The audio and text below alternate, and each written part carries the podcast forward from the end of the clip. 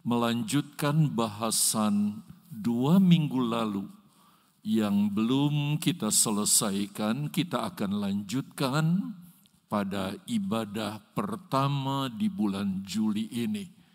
Ibadah disertai dengan perjamuan Tuhan dan sekali lagi jangan sampai ibadah online ini membuat kita kehilangan persekutuan dengan pribadi Yesus. Dan tema khotbah pagi hari ini adalah hidup benar dan memelihara iman di saat kita menantikan kedatangan Yesus kedua kali. Sesuai dengan ayat yang kita bahas di dalam 2 Timotius pasal 4 ayat yang ke-7 dan ayat yang ke-8. Sebaiknya kita perhatikan kembali dua ayat ini kita perhatikan ayat yang ketujuh yang akan menjadi bahan atau bahan bahasan kita pagi hari ini. Paulus berkata, "Aku telah mengakhiri pertandingan yang baik." Kemudian dia berkata, "Aku telah mencapai garis akhir, garis finish." dari kehidupannya. Lalu dia pun bersaksi dan berkata, Aku telah memelihara iman. Dan di ayat yang ke-8 dia berkata, Sekarang telah tersedia bagiku mahkota kebenaran yang akan dikaruniakan kepadaku oleh Tuhan. Hakim yang adil pada hari ini juga, pada harinya, tetapi bukan hanya kepadaku, melainkan juga kepada semua orang yang merindukan kedatangannya. Ayat 8 kita akan bahas minggu berikutnya, tetapi kita sekarang fokus ke ayat yang ke-7. Nah, Bapak Ibu Saudara yang dikasihi oleh Tuhan, melihat situasi dan kondisi yang kita alami hari-hari ini. Sekali lagi, betapa pentingnya kita memperhatikan diri kita, keadaan kita, dan situasi yang terjadi di sekitar kita Kenapa? Karena kita sedang memasuki saat-saat yang sangat menentukan, di mana kita sedang mendekati yang disebut garis akhir itu. Memang, secara individu, saudara, akhir hidup manusia berbeda-beda garis finishnya. Misalnya kanak-kanak. Mungkin perkiraan kita mereka masih begitu jauh dengan garis akhir. Karena mereka masih kanak-kanak. Usia mereka masih dini. Mereka masih harus berjalan cukup panjang dari paket waktu yang diberikan. Demikian juga anak-anak remaja, pemuda, paruh baya, dan juga lansia. Kita satu dengan yang lain berbeda garis finishnya kalau kita melihat dari ukuran usia kita. Tetapi Bapak Ibu Saudara yang dikasihi Tuhan secara umum kita tidak bisa menafikan ini kita semua yang hidup di akhir zaman ini, kita sedang menanti kedatangan Yesus kedua kali. Dan kita ada di posisi yang sama, yaitu di mana kita sudah benar-benar mendekati apa yang disebut dengan garis akhir itu garis finish itu. Itu sebabnya Rasul Paulus mengingatkan kita dengan semakin dekatnya kita dengan yang namanya garis finish itu. Yaitu saat kedatangan Yesus kedua kali, dia mengingatkan betapa pentingnya kita memelihara iman kita. Garis akhir, yaitu saat kedatangan Yesus kedua kali yang semakin dekat, jangan sampai posisi kita, hidup kita dalam keadaan yang tidak berkenan kepada Tuhan, apalagi sampai kehilangan iman. Sebagaimana yang dikatakan oleh Yesus sendiri dalam Injil Lukas pasal 18 ayat 8 bagian B. Akan tetapi jika anak manusia itu datang, adakah ia mendapatkan iman di bumi ini? Ini sebuah peringatan. Kalau Yesus berkata demikian, dia sebagai Allah yang maha tahu dan mengerti apa yang terjadi ke depan, di garis akhir, garis finish, menjelang kedatangan Yesus kedua kali akan ada banyak orang yang kehilangan iman. Sampai dia berkata, jika anak manusia yaitu dirinya datang untuk kedua kali, adakah dia mendapati iman di bumi ini? Keadaan COVID bisa saja membuat kita kehilangan iman. Karena mungkin kita tidak bisa berhimpun bersama-sama. Sehingga saudara, keadaan kita mulai merosot. Karena situasi yang terjadi, keadaan yang terjadi, ketakutan yang mencekam diri kita. Dan kita mulai kehilangan iman. Ini bahaya saudara. Itu sebabnya firman Allah mengingatkan kita agar justru di garis akhir kita benar-benar hidup semakin berkenan kepada Tuhan. Sehingga saat Yesus datang kedua kali, kita tidak kehilangan iman kita. Sebaliknya iman kita tetap terpelihara. Itu sebabnya kita harus sungguh-sungguh menjadi pengikut Yesus yang setia, yang taat. Saudara, walaupun kita tidak beribadah seperti sekarang ini, jangan berarti ah kondisinya longgar, nggak ada yang memperhatikan lagi. Toh nggak ke gereja juga gembala, staf gembala, semuanya rekan seiman pun memaklumi nggak akan pasti ditanya. Malah dianjurkan nggak usah berkumpul. Tetapi biarlah keadaan apa pun kita tetap setia. Taat, hidup suci. Teguh di dalam iman, berdaya tahan. Dan memiliki rasa takut akan Tuhan.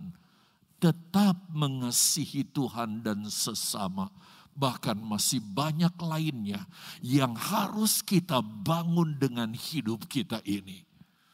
Dengan lain kata, Bapak Ibu, saudara yang dikasihi oleh Tuhan, dapat kita simpulkan bahwa kalau kita ingin iman kita terjaga, dan kita dinyatakan benar atau berkenan di depan mata Yesus saat Dia datang kedua kali, maka tidak ada cara lain. Kita harus benar-benar menjadi anak Tuhan yang tidak cukup tahu firman Allah. Karena toh dulu-dulu saya sudah beribadah, saya mendengar firman Allah.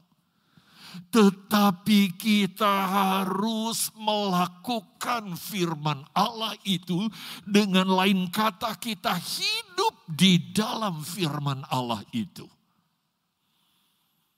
Coba saya angkat beberapa ayat yang Yesus katakan sehubungan dengan ini. Di dalam Injil Matius pasal yang ketujuh, kita mulai dengan ayat 21. Dia berkata, bukan setiap orang yang berseru kepadaku, Tuhan, Tuhan, akan masuk ke dalam kerajaan sorga. Melainkan, apa saudara? Dia yang melakukan kehendak Bapakku di sorga. Pengertian kita, pengetahuan kita, tentang kebenaran firman Allah karena kita sudah jadi orang Kristen sejak dulu. Itu bukan ukuran. Tetapi bagaimana kita hidup di dalam firman Allah. Di atas kebenaran firman Allah. Sesuai dengan firman Allah. Itu yang menentukan keadaan kita pada waktu Yesus datang kedua kali nanti. Coba kita pindah ke ayat yang ke-22. Pada hari-hari terakhir. Dan apa yang Yesus katakan dengan hari terakhir? Yaitu saat di mana kita sekarang hidup. Banyak orang akan berseru kepadaku. Orang-orang Kristen tentunya yang berseru kepada Tuhan Yesus. Tuhan, Tuhan, Bukankah kami bernubuat demi namamu? Melayani saudara. Bukankah dan mengusir setan demi namamu? Dan mengadakan banyak mujizat demi namamu juga? Berarti orang itu hebat banget saudara. Tetapi apa yang Yesus katakan di ayat 23? pada waktu itulah aku akan berterus terang, terbuka kepada mereka dan berkata, Aku tidak pernah mengenal kamu. Enyalah daripadaku kamu sekalian pembuat kejahatan. Wow. Sangat mengerikan saudara. Nah, perlu saudara ketahui bahwa ucapan Yesus ini dia ucapkan kepada pengikutnya. Kepada pengikut Yesus, kepada saudara dan saya. Kepada kita semua orang-orang yang percaya kepada dia. Karena apa saudara? Sebab mereka yang ada di luar Kristus, mereka tidak memanggil Yesus dengan panggilan Tuhan Mungkin saudara bertanya, kok bisa ya orang Kristen tidak masuk ke dalam kerajaan sorga? Kenapa alasannya? Saudara yang dikasihi oleh Tuhan, karena orang itu cuma mengaku sebagai pengikut Yesus. Tetapi tidak seperti yang Paulus katakan. Aku mengakhiri pertandingan dengan baik. Apakah hidup kita selama ini? Kita bawa begitu rupa dengan baik dan berkenan kepada Tuhan. Aku telah memelihara iman. Apakah iman kita tetap terjaga, terpelihara? Mereka mengaku sebagai pengikut Yesus. Tapi mereka tidak hidup sesuai dengan firman Allah. Bahkan saudara, kalau saudara lihat ayat 23. Perhatikan ayat 23. Mereka bangga dengan prestasi mereka sebagai seorang pelayan Tuhan. Eh, hamba-hamba Tuhan. Jangan merasa nyaman, saya hamba Tuhan, saya pendeta, saya mengerti firman Allah. Bahkan saudara menilai bagaimana ayat 23 menjelaskan si hamba Tuhan itu berprestasi luar biasa dalam pelayanannya. Nggak ada orang yang bernubuat kalau dia belum dipenuhkan dengan roh kudus. Nggak ada orang yang bisa mengusir setan kalau Tuhan tidak menyertai dirinya. Tidak mungkin dia uh, bisa melakukan mujizat dengan kuasanya sendiri. Pasti dari Tuhan.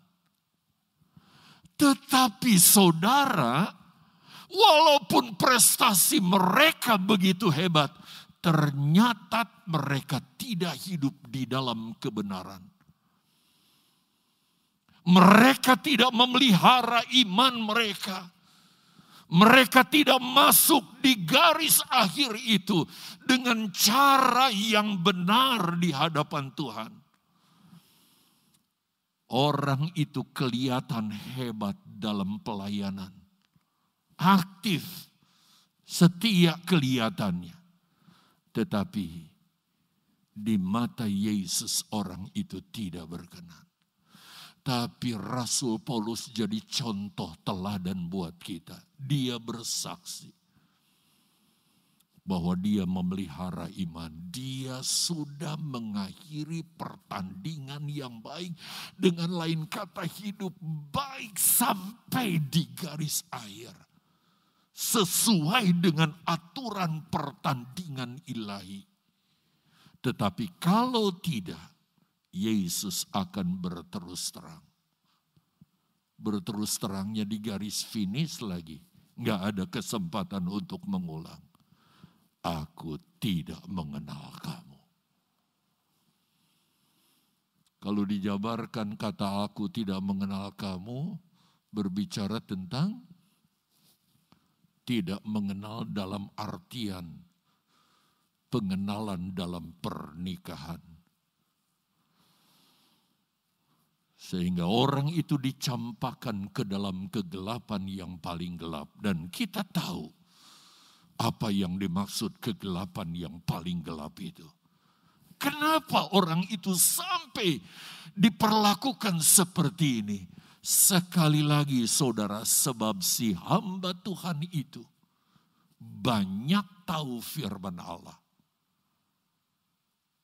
Belajar, belajar sebab ingin tahu firman Allah karena ingin berbagi. Itu sangat baik sekali. Supaya pelayanan kita terus inovatif. Membagi hal-hal yang baru tentang rahasia kebenaran firman Allah. Tetapi itu tidak ada artinya buat kita. Kalau kita tidak taat kepada firman Allah yang kita tahu kepada firman Allah yang kita mengerti. Kita ada di garis akhir.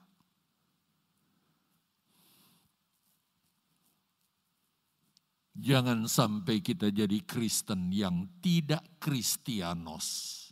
Tahu jalan yang harus kita lakukan, tapi kita tidak menjalani tapak demi tapak. Bagian dari kebenaran firman Allah yang harus kita praktekkan tiap detik, tiap menit, tiap jam, tiap hari, tiap minggu, tiap bulan, tiap tahun, bahkan sampai di garis air. Kalau tidak, kita akan terancam mendengar perkataan, "Aku tidak mengenal kamu." Itu sebabnya kita tahu firman Allah. Itu hebat. Tapi yuk kita Kristianos, kita tapaki itu secara presisi. Jangan meleset, jangan keluar dari apa yang Tuhan inginkan. Bapak, ibu, saudara yang dikasihi oleh Tuhan, dari uraian pendahuluan saya ini, kita bisa ambil kesimpulan bahwa sebagai pengikut Yesus yang sedang hidup memasuki garis akhir, yaitu saat di mana kedatangan Yesus kedua kali sudah sudah sangat dekat. Seharusnya kita siuman dong. Nggak pernah dalam ceritanya saudara gereja harus melakukan ibadah seperti ini. Ini benar-benar menunjukkan saat kedatangan Yesus sudah sangat dekat. Itu sebabnya kita harus jadi pengikut Yesus yang sejati. Yaitu pengikut Yesus yang sungguh-sungguh memahami firman Allah. Mengerti firman Allah. Itu perlu. Supaya kita di akhir zaman jangan diseret ke kiri ke kanan oleh ajaran-ajaran palsu. Tetapi Bapak, Ibu, Saudara yang dihat, dikasihi oleh Tuhan. Untuk kita berkenan kepada Tuhan. Kita harus melakukan, mempraktekkan firman Allah itu. Untuk itu mari kita perhatikan Mazmur pasal yang ke 19 ayat yang ke-8 dan 9. Iya. Mari kita perhatikan dua ayat ini. Firman Allah berkata begini.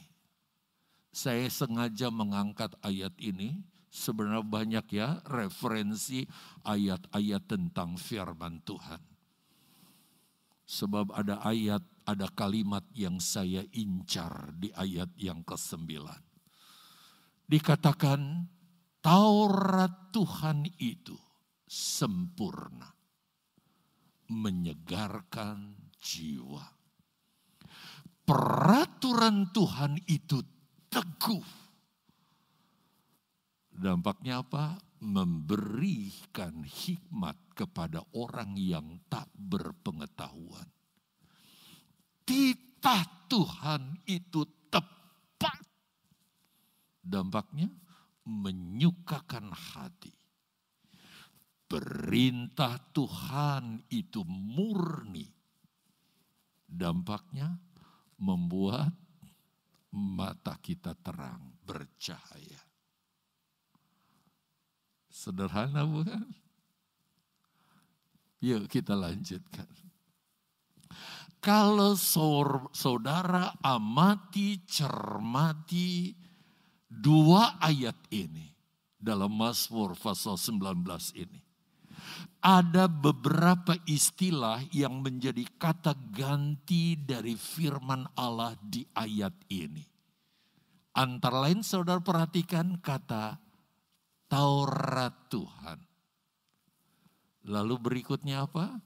Peraturan Tuhan. Yang ketiga apa? Titah Tuhan. Dan yang keempat apa? Perintah Tuhan.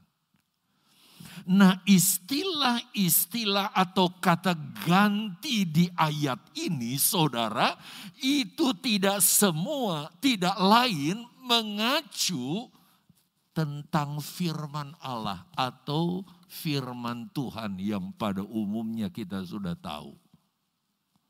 Jadi empat kata di ayat ini. Taurat Tuhan, peraturan Tuhan, titah Tuhan, dan perintah Tuhan. Itu semua adalah berbicara tentang firman Tuhan atau firman Allah.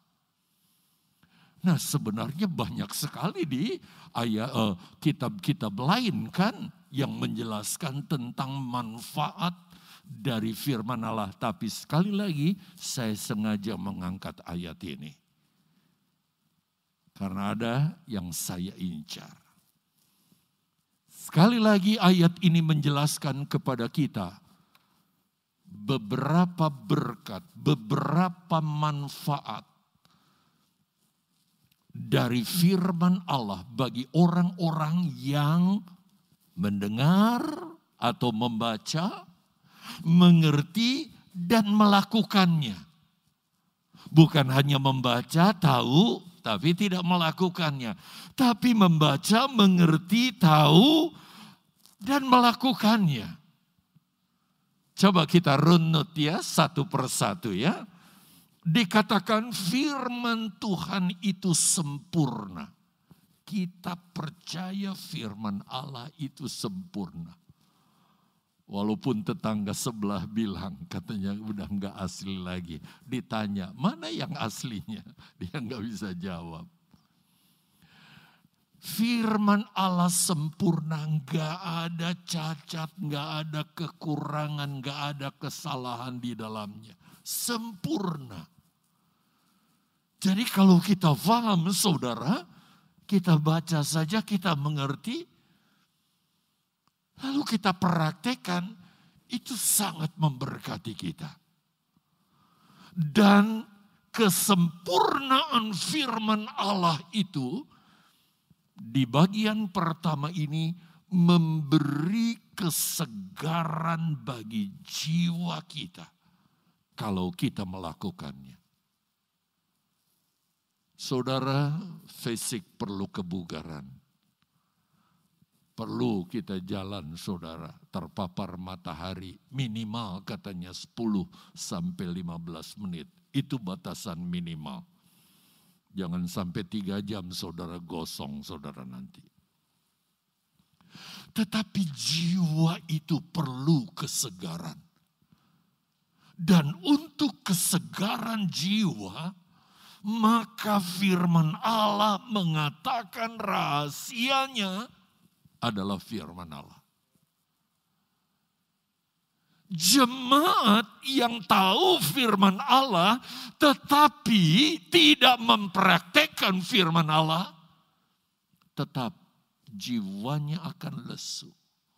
Hidup rohaninya akan lesu dia tidak akan menjadi anak Tuhan yang berdaya tahan.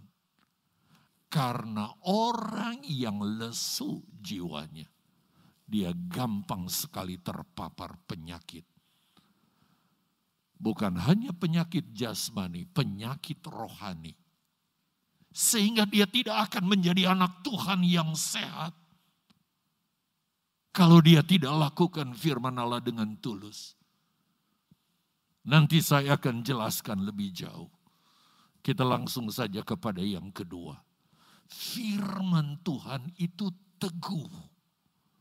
Firman Allah itu saudara dia tidak bisa menjadi usang. Barang atau apa pun apalagi makanan kalau disimpan saudara dia akan menjadi rusak. Tapi firman Allah tidak akan pernah menjadi usang. Dan tidak ada ayat firman Allah yang sudah ketinggalan zaman, jadi udah ndak update lagi. Udah nggak berlaku lagi, sama sekali tidak. Dari kitab kejadian sampai wahyu. Itu semua tetap berguna dan kalau kita perhatikan, belajar dengan sungguh-sungguh, itu seperti sesuatu yang baru yang menyegarkan. Dan firman yang teguh itu saudara, dia memberikan kepada kita hikmat atau kebijakan khususnya bagi mereka yang belum berpengetahuan, yang belum mengerti tentang firman Allah dan juga apa yang terjadi dengan apa yang kita akan hadapi ke depan. Dia akan memberikan pengertian kenapa seperti ini kondisi zaman. Saudara akan tahu, akan mengerti sehingga kita akan lebih sungguh-sungguh dalam kondisi keadaan seperti ini sekalipun. Jangan karena saudara tidak beribadah secara berkumpul bersama-sama. Dan saudara lakukan sekarang di rumah itu mengurangi kualitas kekristenan saudara. Tetapi firman yang teguh itu membuat saudara semakin berhikmat justru peningkatan kualitas kekristenan saudara semakin tinggi dalam kondisi seperti ini. Walaupun kita tidak bertatap muka dalam ibadah.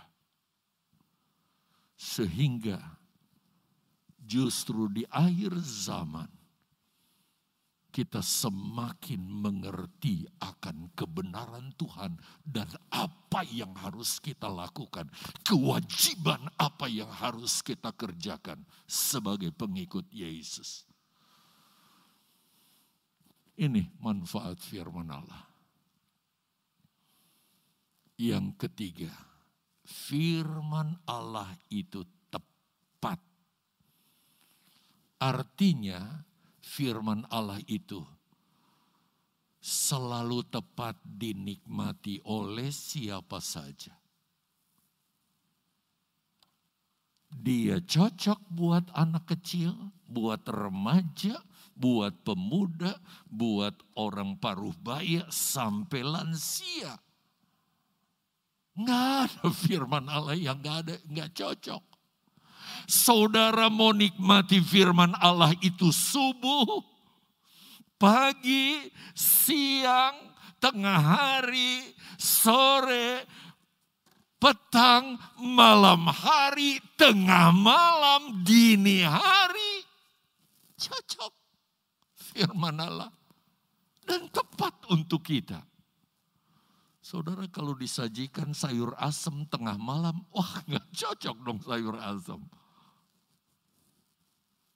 Walaupun kadang-kadang sering kali firman Allah diumpamakan seperti makanan, bukan? Tapi firman Allah dalam segala situasi, dalam segala kondisi, saudara bisa menikmati firman Allah. Itu sebabnya orang yang melakukan firman Allah, baik itu menikmati firman Allah dan melakukannya, Firman Allah katakan dia akan bersuka cita. Wow. Dahsyat banget saudara. Jadi kalau sampai ada orang yang di garis air malah nggak beres kondisi kekristenannya seperti orang yang nggak makan setahun saudara. Sakit-sakitan secara rohani.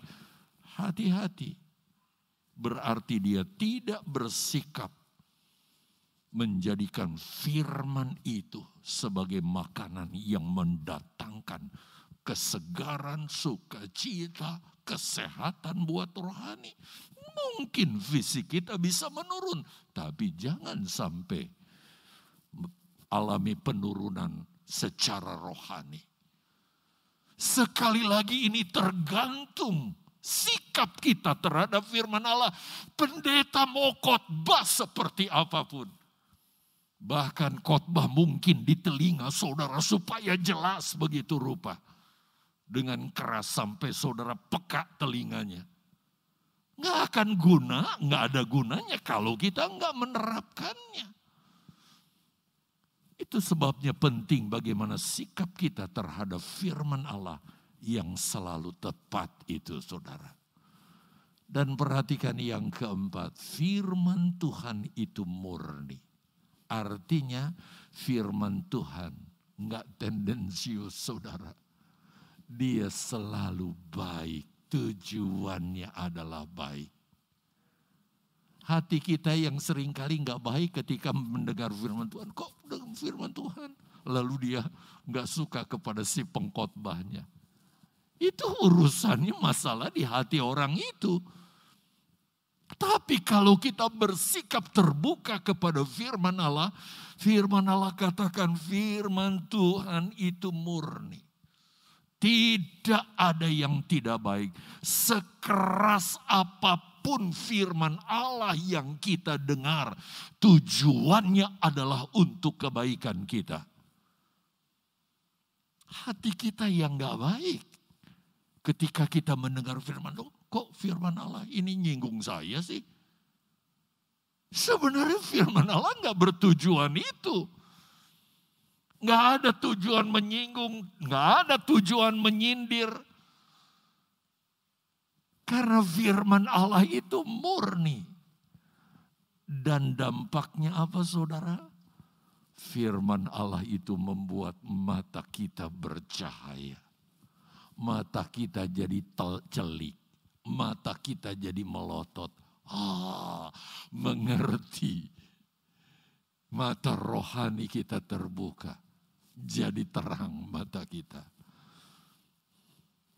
Nah dari keempat istilah-istilah firman Allah ini dan manfaatnya, saya ingin menekankan yang keempat. Tapi kita lihat dulu yang keempat ini lebih jauh.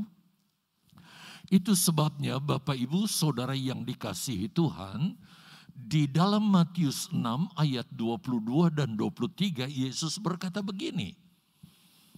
Mata untuk poin yang keempat ya. Jadi saya akan dalami yang keempat saja. Satu, dua, tiga, mungkin lain kesempatan. Kita dalami lagi, walaupun saya sudah jabarkan sedikit tadi. Yesus berkata begini, mata ya membuat mata menjadi terang adalah pelita tubuh. Jadi betapa pentingnya saudara mata rohani kita celik di akhir zaman karena dia jadi pelita tubuh. Jika matamu baik, teranglah seluruh tubuhmu. Jadi mata ini berpengaruh kepada semua gerak cara hidup kita semua gerak tangan, gerak hati, gerak pikiran, gerak kaki, gerak semuanya saudara. Itu sangat ditentukan dari mata kita. Jika matamu jahat, gelap, identik dengan jahat, gelaplah seluruh tubuhmu semua aktivitas kita, termasuk roh kita, pikiran kita, ikut gelap. Jadi jahat. Jadi, jika matamu terang, apa rahasianya untuk mata terang? Tadi Mazmur, firman Allah.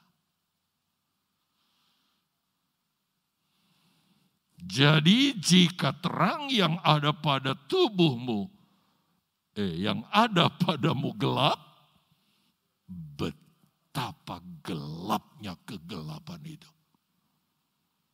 Hidup kita saudara betul-betul kayak iblis gelap sungguhan. Gelap sungguhan. Itu ditentukan dari firman Allah yang kita tahu dan kita lakukan dalam keseharian hidup kita. Kalau tidak gelap kehidupan kita, jahat kehidupan kita, dan bagaimana kita berkenan di hadapan Tuhan di garis akhir kalau hidup kita gelap.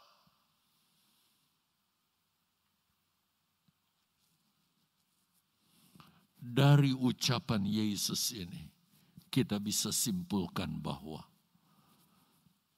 kalau Yesus datang kedua kali, jangan sampai keadaan kita gelap. Sebaliknya, kita harus terang. Inilah yang Paulus katakan bahwa dia, saudara, mengakhiri pertandingan itu dengan baik tidak sombong, bukan berlebihan kalau dia bersaksi seperti ini. Sebab dikatakan oleh firman Allah, semua tulisan itu karena ilhaman roh kudus. Bukan karena dia menyombongkan diri. Jadi prestasi perjalanan kehidupannya sampai di garis akhir. Dia baik. Bagaimana dengan kita? Atau kalau ditanya bagaimana kita sekarang? Kita ada di gereja. Tapi apakah kita baik? Hati nurani kita akan menjawab itu.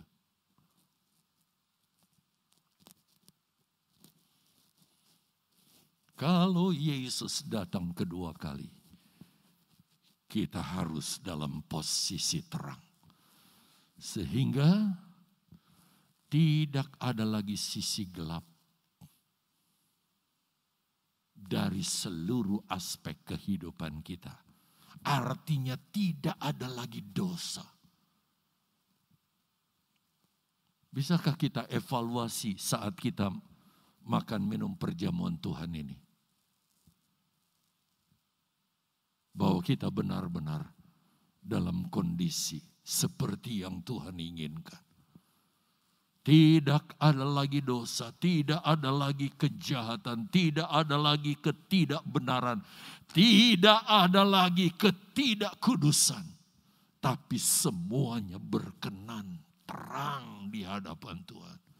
Saat dia datang kedua kali. Seharusnya kita berkata saat sekarang ini. Ketika kita di hadapan Tuhan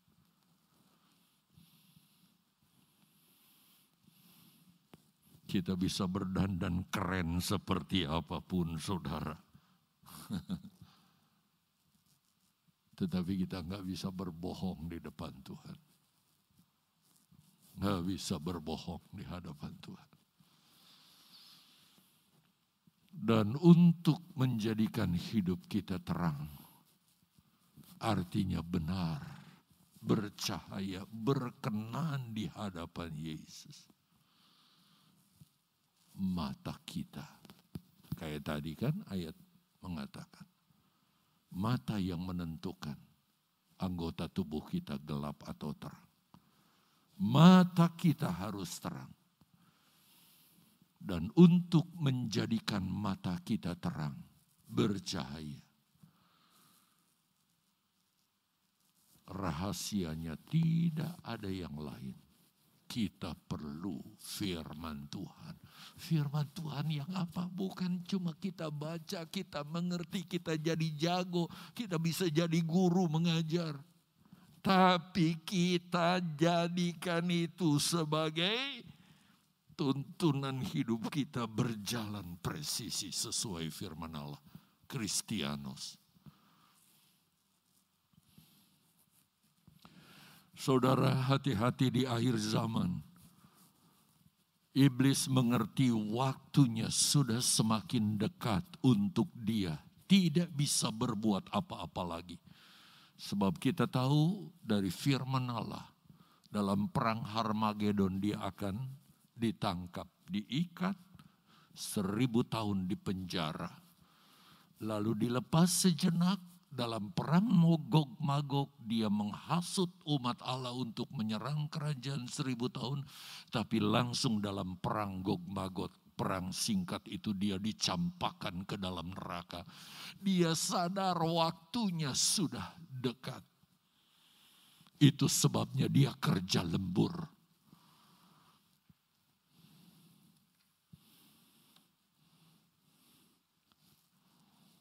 Iblis berusaha membuat mata kita jadi buta.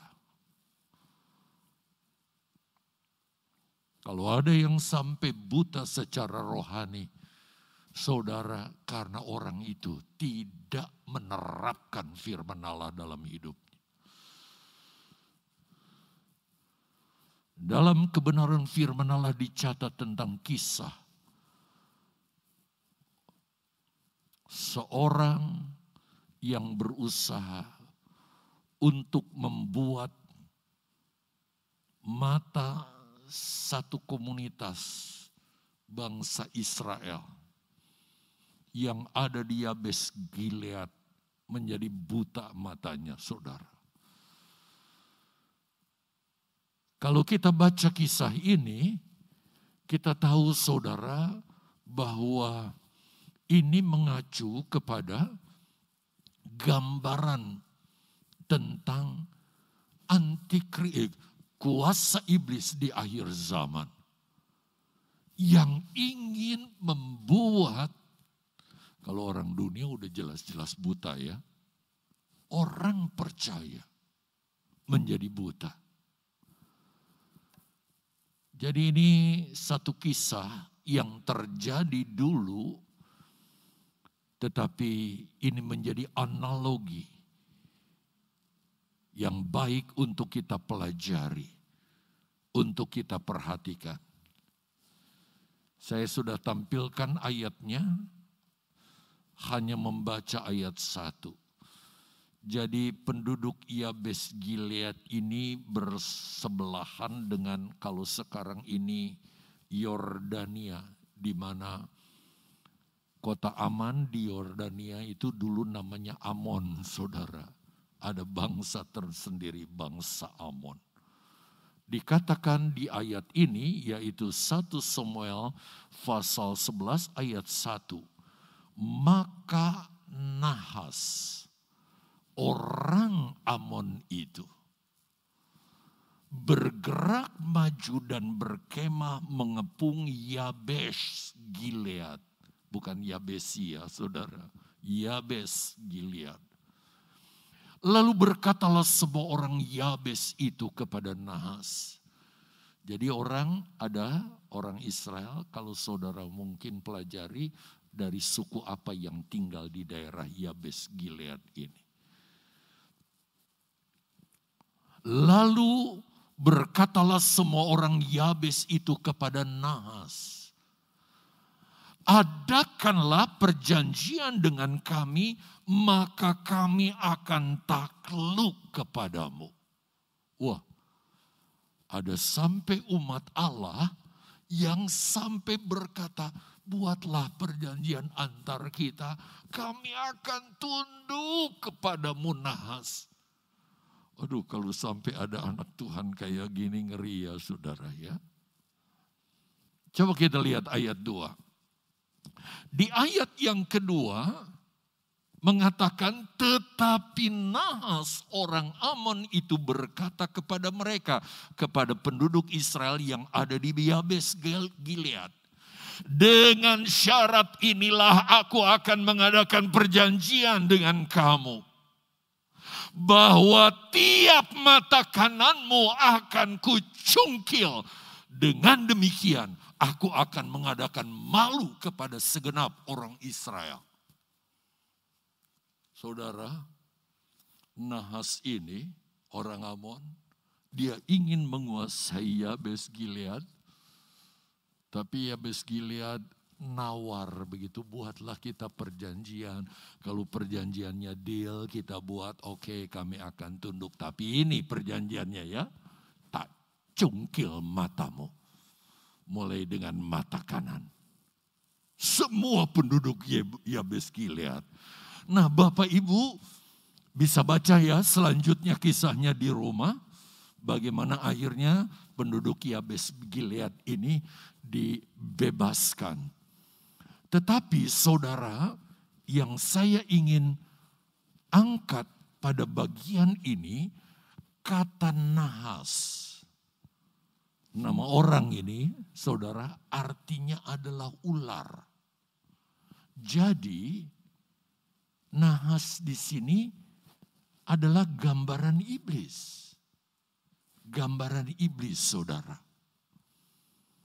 Kalau dikatakan nahas mengancam akan mencungkil mata sebelah kanan orang Yabes Gilead, saudara, ini memberi gambaran kepada kita bahwa oknum yang disebut ular ini yang tidak lain adalah iblis di akhir zaman sedang bekerja secara pelahan tapi pasti di mana dia pakai segala cara untuk membuat mata rohani orang percaya jadi buta.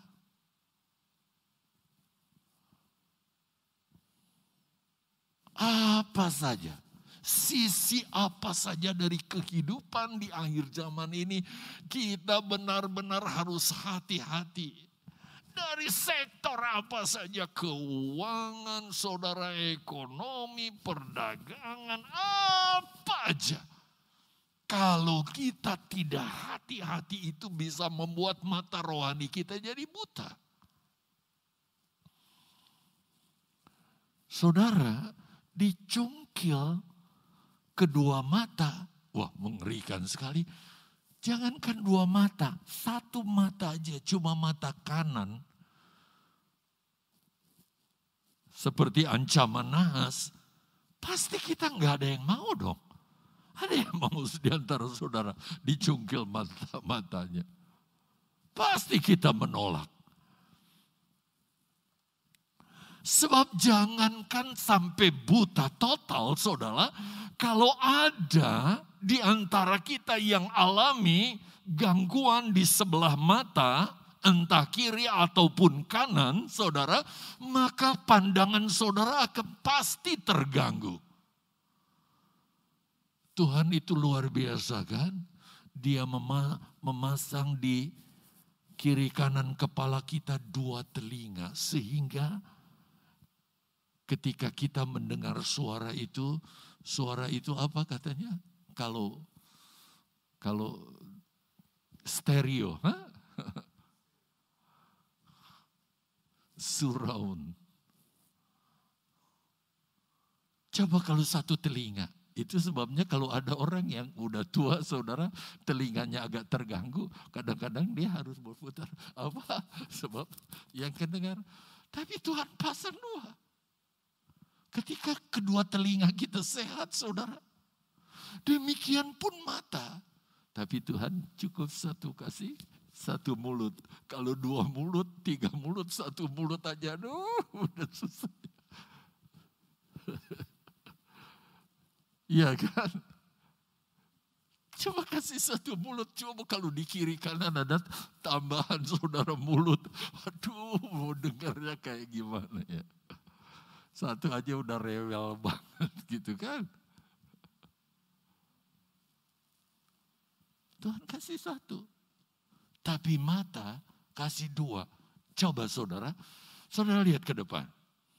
Walaupun saya lihat ke jam ada di, di depan, 8.13.49, saya bisa lihat saudara, apa yang di kiri kanan saya.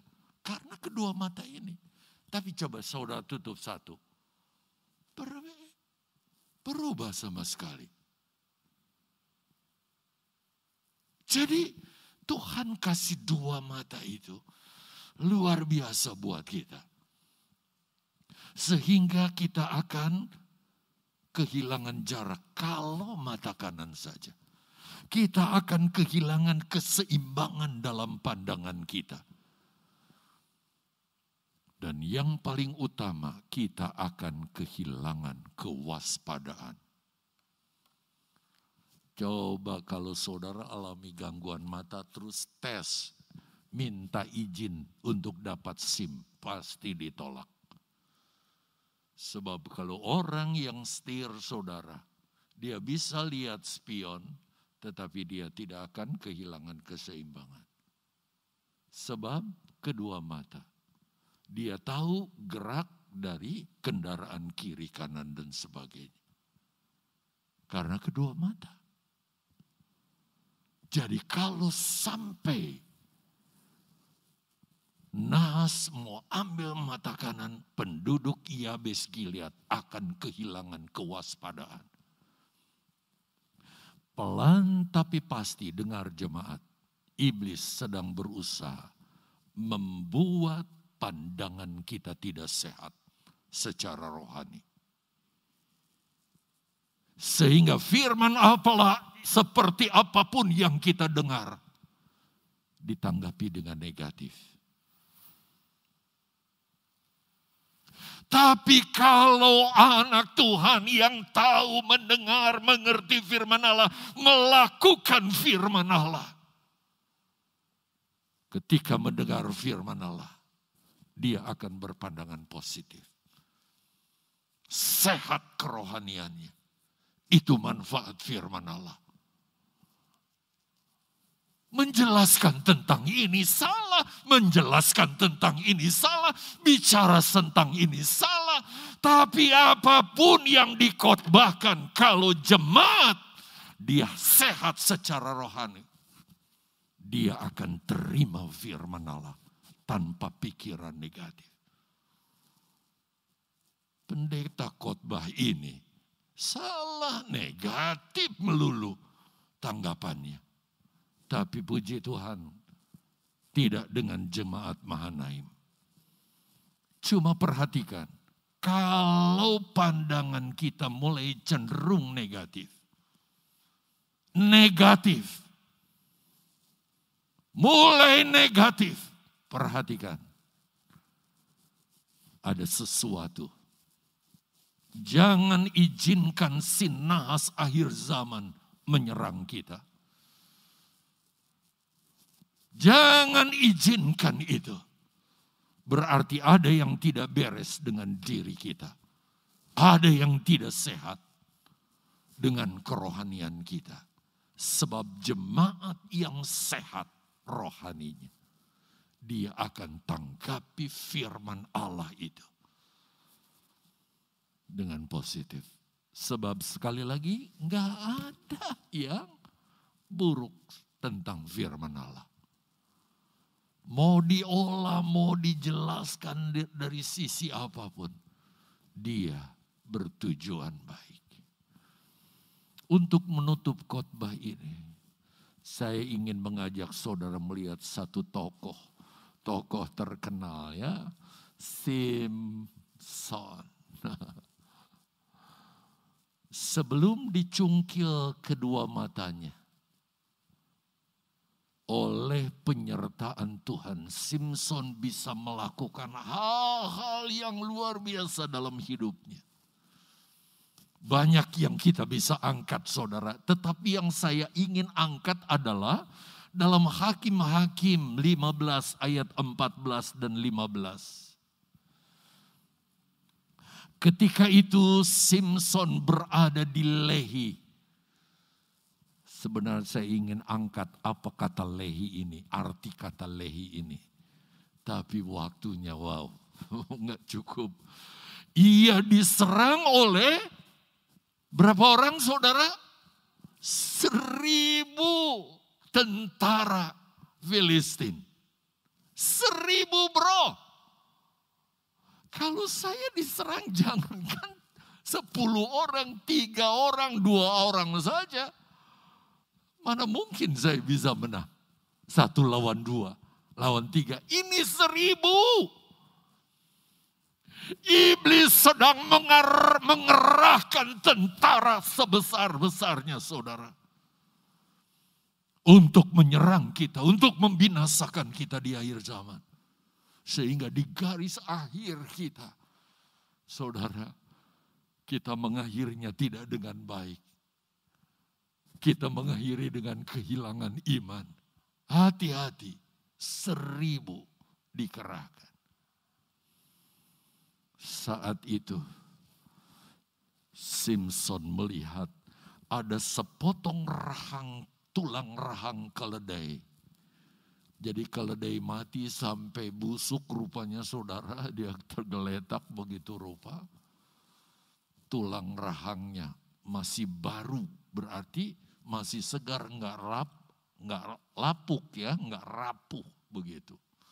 Dia ambil tulang rahang itu dia hadapi seribu orang. Kira-kira perang dengan seribu orang gimana saudara? Apakah satu orang demi satu orang? Satu aku gilirannya Simpson. Tak, tak, tak, tak. Seribu orang sekaligus. Karena matanya sehat. Dia tahu orang kiri, kanan, muka, depan. Mungkin dia ke belakang juga dia lihat begitu rupa.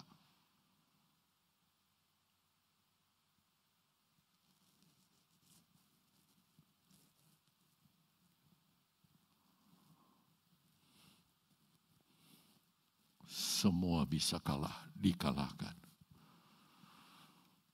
Coba selidiki itu. Rahang keledai itu apa? Seribu orang itu gambaran apa?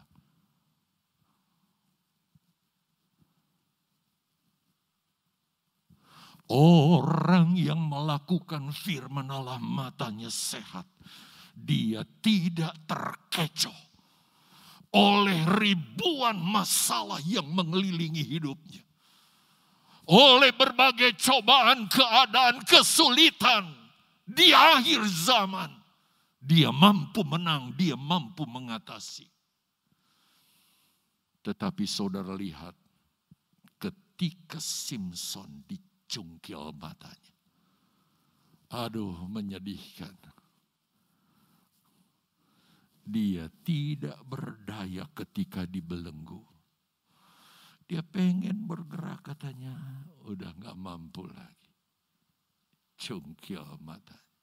Rambutnya udah digondol. Dia diikat di sebuah tiang, saudara. Aduh, sangat menyedihkan. Dan dia jadi bahan tontonan, cemoohan, serta bahan lelucon, bahan lawakan di hadapan Filistin. Kalau ada gereja sampai seperti ini, bagaimana Yesus melihat kita? Bapak, Ibu, Saudara yang dikasihi Tuhan. Yuk kita dengar firman Allah.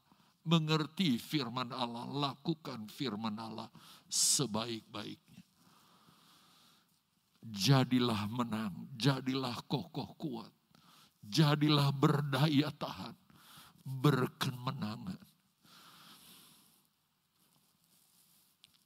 apa yang akan terjadi kalau Yesus datang kedua kali lalu kondisi kita buta dalam pertandingan kita saudara.